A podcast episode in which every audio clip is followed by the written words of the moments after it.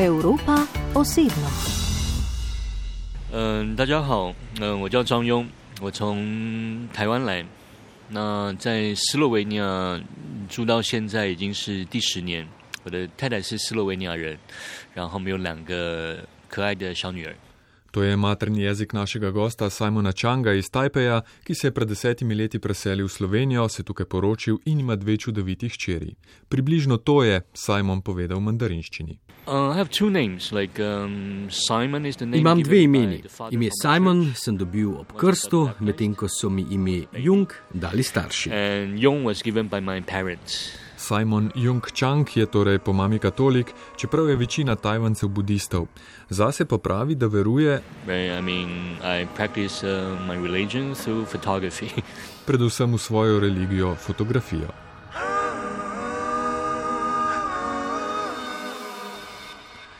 V 2010 se je pisalo, ko je Simon Chang prišel v Slovenijo. Why? Because of love. because my girlfriend back then, Prišel sem zaradi ljubezni. Moje takratno dekle, zdaj žena, je slovenka. Študiral sem v Pragi in tam imel mnogo slovenskih kolegov. V Sloveniji sem bil prvič leta 2006, ko smo še plačevali stolari. Prijatelj me je peljal na Kostanjevico na Krki, potem sem šel še na Fotopap v Novo mesto in tam sem jo spoznal. Potem me je prišla obiskat v Prago, postala sva par. Hotel sem se po sedmih letih Prage vrniti na Tajvan, ko mi je predlagala, da bi se lahko preselil v Slovenijo. Za dva meseca sem se vrnil v Tajpej, izdal svojo drugo knjigo in se preselil v Slovenijo. and then I moved back to, to, to Slovenia right away. Sedmim letom študija na FAMu v Pragi je tako sledila Slovenija. V Evropo je Simon leta 2003 prišel iz več razlogov, ker je občudoval evropski film in fotografijo, tudi literaturo, pa tudi zato, ker je Tajvan takrat še imel 18-mesečno služenje vojaškega roka. No, Češka in Slovenija pa seveda nista bili ciljni destinaciji. And back then I had um, this naive idea, no, it's like since I'm going to Europe, right, I should go to the beginning of this uh, civilization. It's like uh, European culture, like it should be Greece. And Holabogu, I didn't go there. I mean, it's a nice place, but Prvotna ideja je torej bila, da bi šel v zibelko evropske civilizacije, Grčijo pa so takrat hromile stavke, zato se je na priporočilo prijatelja, ki se je ravno vrnil iz Prage, odločil, da gre tudi on tja.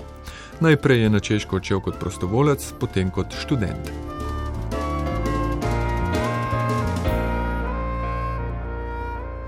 O Evropi je kot mlad študent imel precej stereotipno predstavo, približno tako, kot jo imajo nasploh na tistem koncu sveta, o tem koncu sveta. I would say mm, people in that part of Asia. Rekel bi, da ljudje v tistem delu sveta na vse, kar je zahodnega, gledajo kot na nekaj, kar je kul, cool, moderno. Že desetletja je tako. Verjetno gre za to, kako ljudje dojemajo lepoto. Denimo na Tajvanu. To je zgodba, ki jo povem tudi slovenskim prijateljem. Dekleta na Tajvanu uporabljajo kreme za beljanje kože, ker je bela koža lepša.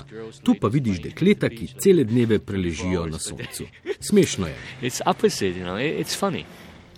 Tak stereotipen svet so ustvarili mediji, splet in filmi. V tem istem svetu so za evropejce Azici verjetno delavni in zadržani in vedno s fotoaparatom v roki, kar vsaj v primeru našega gosta, fotografa Simona Čanga, nekoliko pa res velja. A od teh motečih stereotipov do kakih resnejših izkušenj z rasizmom vseeno je nekaj korakov. V Evropi, pravi Simon, sam sicer ni imel kakih groznih izkušenj, razen ene v Pragi, ko so ga začeli zasledovati in nadlegovati pijani mladostniki. Spor se je končal tik pred pretepom. Ga pa take teme zanimajo.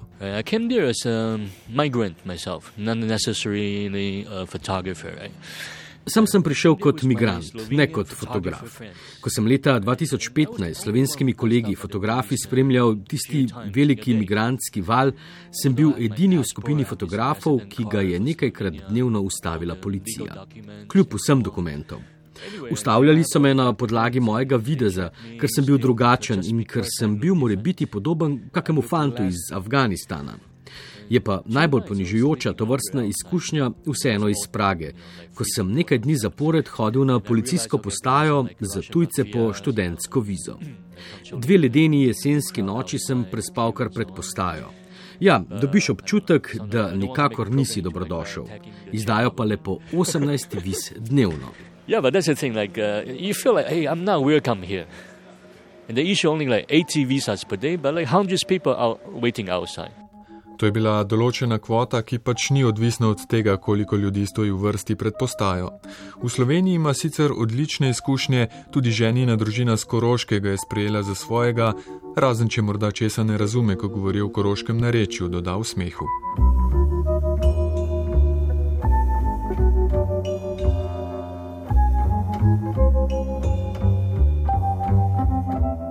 Če se za hip še enkrat vrnemo v leto 2015, ko je večino časa Simon Chang preživel na mejah kot prostovolec in hkrati fotoreporter, pravi, da ni šel tja zgolj snemati in fotografirati.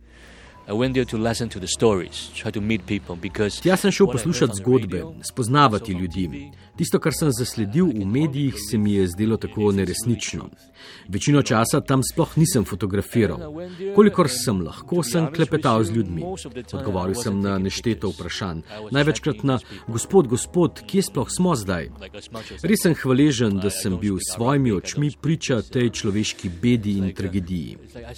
Spomnim se, ko sem po dveh dneh iz Rigoncev prišel v Ljubljano. Iz stanovanja sem gledal na mesto, na mimoidoče in si mislil, pred nekaj urami sem bil med ljudmi, ki so kot živina v nekih ograjah. Nekaj kilometrov stran pa vsi mirno hodijo po ulici. Dve usporedni realnosti, tako blizu.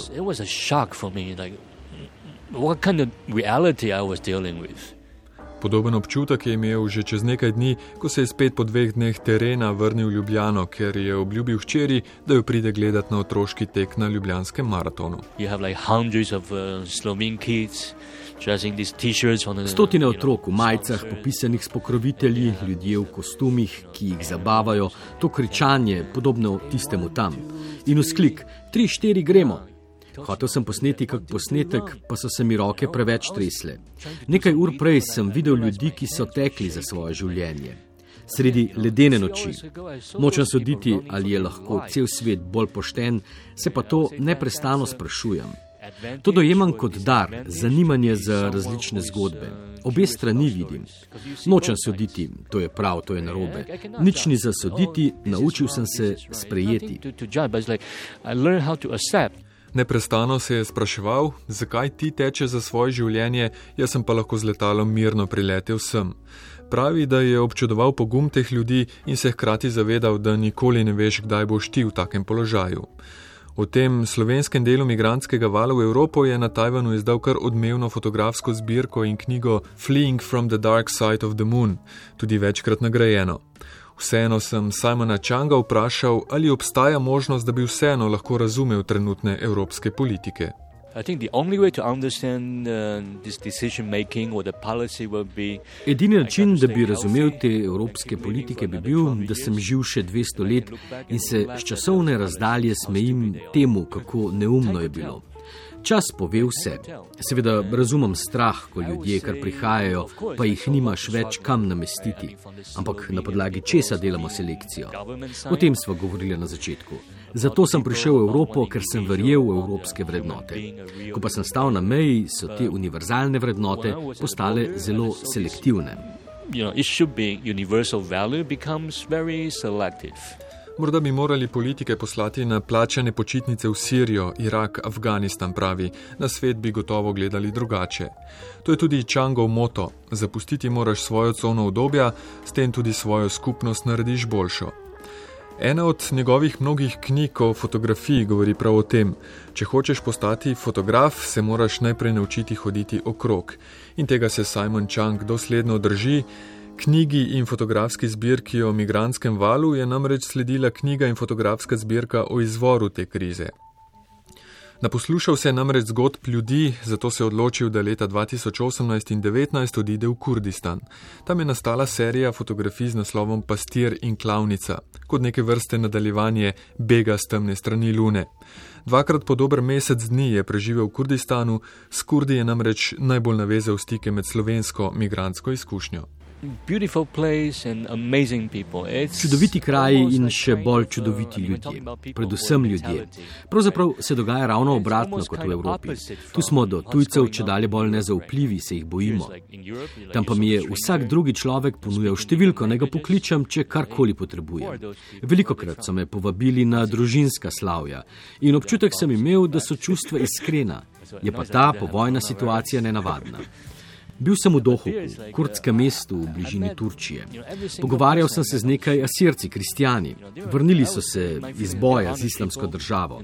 Eden od fantov je med pitjem kave potegnil telefon in pokazal ocekane glave. Ocekali so jih vojakom ISIS-a po boju. Klavnica je očitno veliko večja, kot sem mislil. Ne samo v pravi klavnici živali, kjer sem fotografiral, ampak tudi v resničnosti, samo nočemo si tega priznati. Tudi zato klavnica v naslovu razstave, zakaj pastir, vam bo Simon Chang povedal, ko boste v kakih bolj normalnih časih obiskali njegovo fotografsko razstavo. Pretekli teden so jo odprli v Ljubljanski galeriji Fotografija, odprta ne bi bila sicer do konca novembra. Seveda pa je to odvisno od zdravstvenih razmer. In ko smo pri zdravstvenih razmerah, tudi te Simona Changa zelo zanimajo, Njegova mama je dolga leta delala v bolnišnici, zato je tudi sam kot otrok tam preživel veliko časa. Ko je študiral v Pragi, si je za diplomo izbral skoraj triletni projekt serije fotografij v psihiatrični bolnišnici Boemice. Večkrat na teden je šel tja in bil z bolniki. Mnogokrat se je po povratku v mesto spraševal, kdo je res nor in kdo to določa.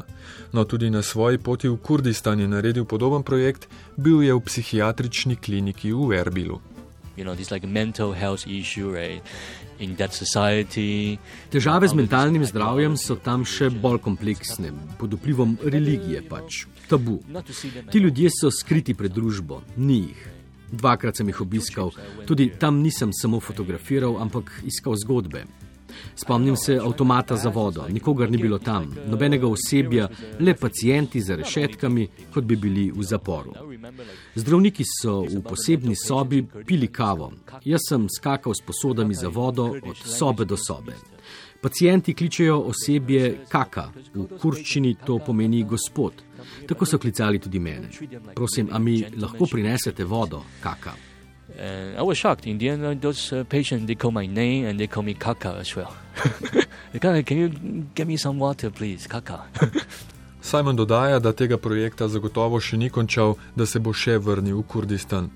Morda po koncu pandemije virusa, ki je nori svet naredila še bolj nor, tudi s tem ima nekaj posebnih izkušenj, glede na to, da je virus v Evropo uradno prišel z Kitajske, v Evropi biti Azijec danes ni prijetno.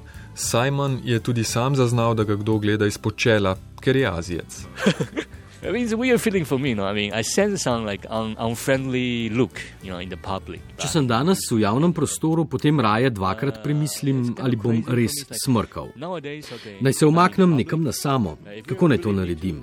Res smo postali že obsedeni s tem, ampak tega res ne morem spremeniti. Ljudje me poznajo, seveda nimajo predsotkov zgolj zato, ker sem Azijec. Pri ostalih pa je, vsaj dokler v javnosti ne smrkam, zaenkrat tudi v redu. pardon, oh, pardon. ja, kihanje bi bil kar poveden konec tokratne Evrope osebno, pa sem Simona Čanga vseeno prosil, naj mi opiše trenutne odnose med Kitajsko in Tajvanom. Ni govoril o kitajski politiki ene Kitajske, tudi ne o tajvanskem odnosu do velike sosede, povedal je le še eno svojo zgodbo. Right, like for example, my grandparents, they came from Shanghai during the war. Moji stari starši so na Tajvan prišli med vojno iz Šanghaja. Moj oče je bil takrat dojenček. Korenine so iste, literatura, jezik, zgodovina. Ampak več kot 60 let živimo ločeni. Zanimivo je, ko govorim s kom z Kitajske, govoriva isti jezik, vseeno pa razmišljava zelo drugače. Več razumevanja potrebujemo, ljudje med sabo ga hitro najdemo, najti ga mora tudi politika. Kar sem se v 17 letih v Evropi naučil, je to, da nacionalnost ni tako pomembna. Prihajam iz tistega konca sveta, tam sem odrasel. Tajvan je zelo pomemben del mene. Otroke danes poskušam naučiti eno stvar iz svoje kulture: da si res hvaležen za vse, kar imaš. Ampak nacionalnosti mi res niso pomembne. Ko me boš spoznal, si me boš morda zapomnil po mojih zgodbah. Po tem, kakšna oseba sem, ne pa po tem, katere nacionalnosti sem. Sam si prijateljev ne zapomnim po nacionalnosti. As for which nationality, I wouldn't say that's the most important thing. At least that's how I remember my friends. Europa osebno.